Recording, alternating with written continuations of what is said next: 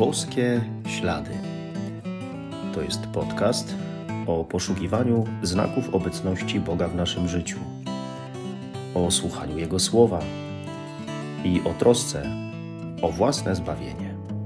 Zapraszam.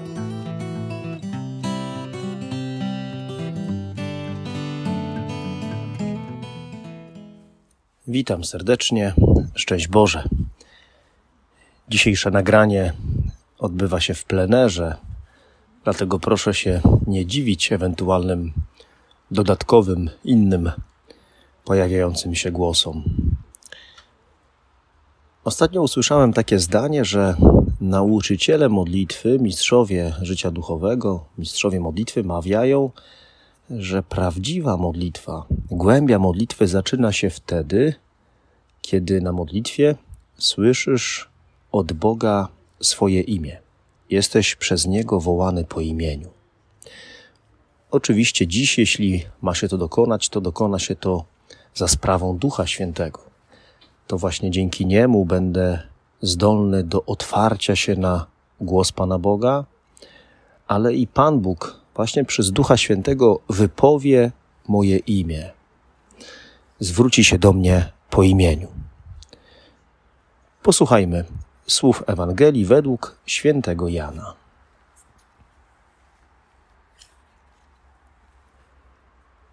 Jezus powiedział do swoich uczniów: Jeszcze wiele mam wam do powiedzenia, ale teraz znieść nie możecie. Gdy zaś przyjdzie On, Duch Prawdy, doprowadzi was do całej prawdy, bo nie będzie mówił od siebie, ale powie wszystko, cokolwiek usłyszy i oznajmi wam rzeczy przyszłe. On mnie otoczy chwałą, ponieważ z mojego weźmie i wam objawi. Wszystko, co ma ojciec, jest moje.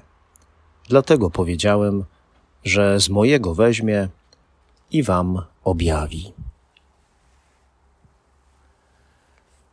Jeśli wszystko, co Boga Ojca jest Jezusa, a Duch Święty weźmie od Jezusa i nam objawi, to trzy osoby boskie rzeczywiście są jednym. Jeden Bóg, ale w trzech osobach.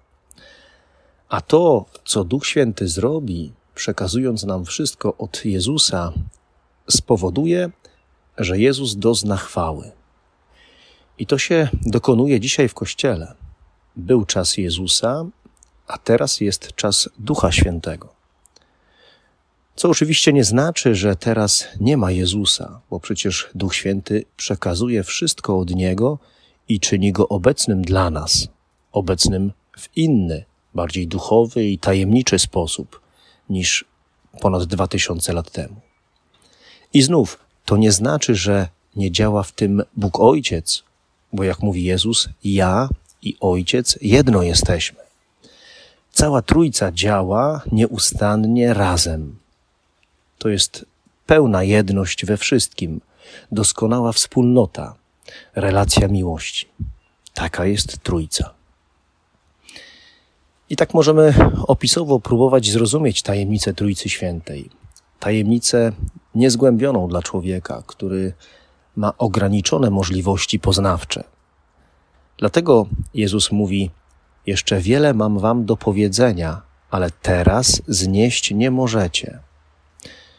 Dopiero Duch Święty pomoże nam więcej zrozumieć, ale przez nasze ograniczone możliwości poznawcze pomoże nam więcej zaakceptować, wierząc, nie wszystko do końca rozumiejąc, przynajmniej nie tutaj na Ziemi.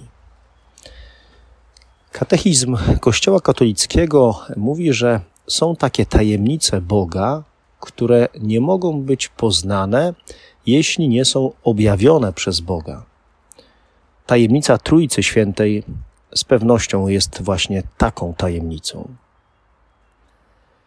Nie ulega wątpliwości, że Jezus chce nas wtajemniczyć w życie Trójcy Świętej. Trójca chce się nam udzielić, dać ze swego, podzielić się sobą. Taki jest Bóg. Możemy mieć udział w życiu osób boskich już tutaj na ziemi. Bóg się nam objawia, nam się udziela. Bóg nie jest samotny, bo jest miłością, a miłość może istnieć i rozwijać się tylko między dwiema lub więcej osobami. Skoro Bóg jest miłością, no to musi w nim być ktoś kochający, ktoś kochany i łącząca ich miłość. Bóg nie jest samotny, jak powiedziałem, i nie chce również, żeby człowiek był samotny. Bóg Ojciec ofiarował ludziom swojego ukochanego Syna, aby dać nam to, co najcenniejszego posiada, dać wszystko, co ma. Niczego nam nie żałuje. Dał nam swojego Syna. A Jezus oddał swoje życie w nasze ręce. Chciał pokazać, jak bardzo nas kocha. Chciał, byśmy nie obawiali się Boga, byśmy czuli się bezpieczni, ukochani przez Niego. Dlatego dał nam siebie. Cała Trójca dała nam Eucharystię i w niej nam siebie ofiarowuje. Może się wydawać, że Trójca Przenajświętsza jest tajemnicą trochę oderwaną, czy nawet bardzo oderwaną od naszego ludzkiego, ziemskiego życia. I może niech lepiej się tą tajemnicą zajmą teologowie.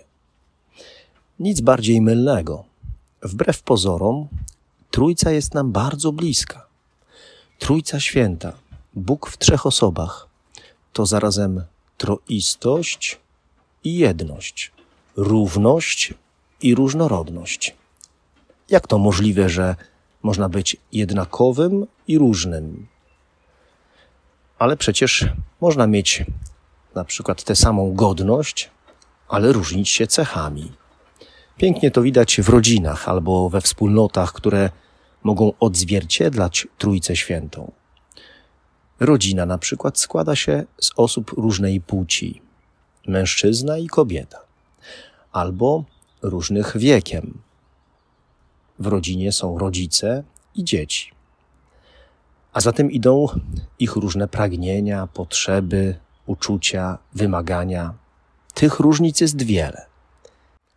Jednak to małżeństwo, rodzina czy wspólnota, mimo tych różnic, może dążyć do jedności, która jest ponad tymi różnicami, do jakby wyższej jedności.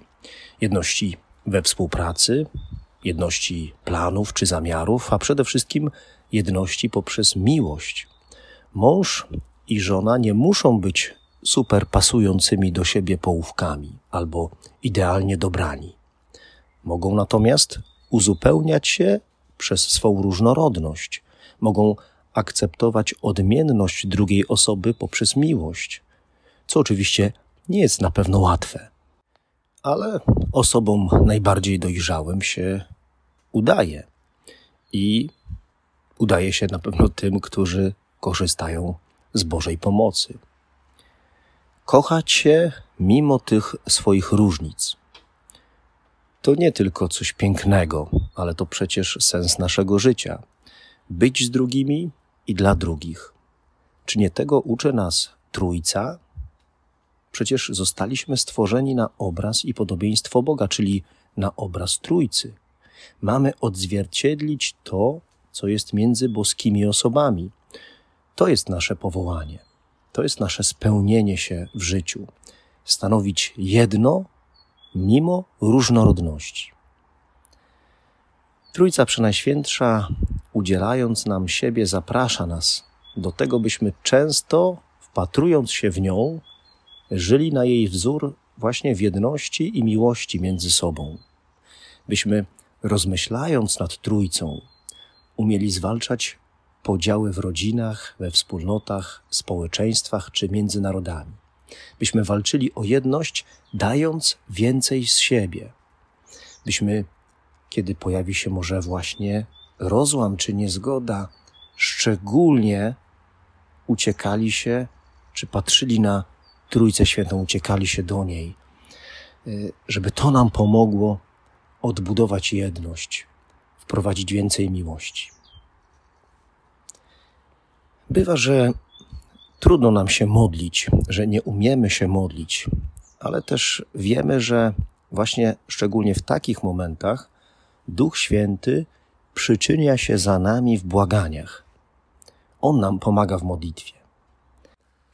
Jezus powierzył nas opiece Ducha Świętego, pocieszyciela, ducha prawdy, przez którego czy dzięki któremu Jezus przemawia do nas teraz tak, jak mówił do apostołów.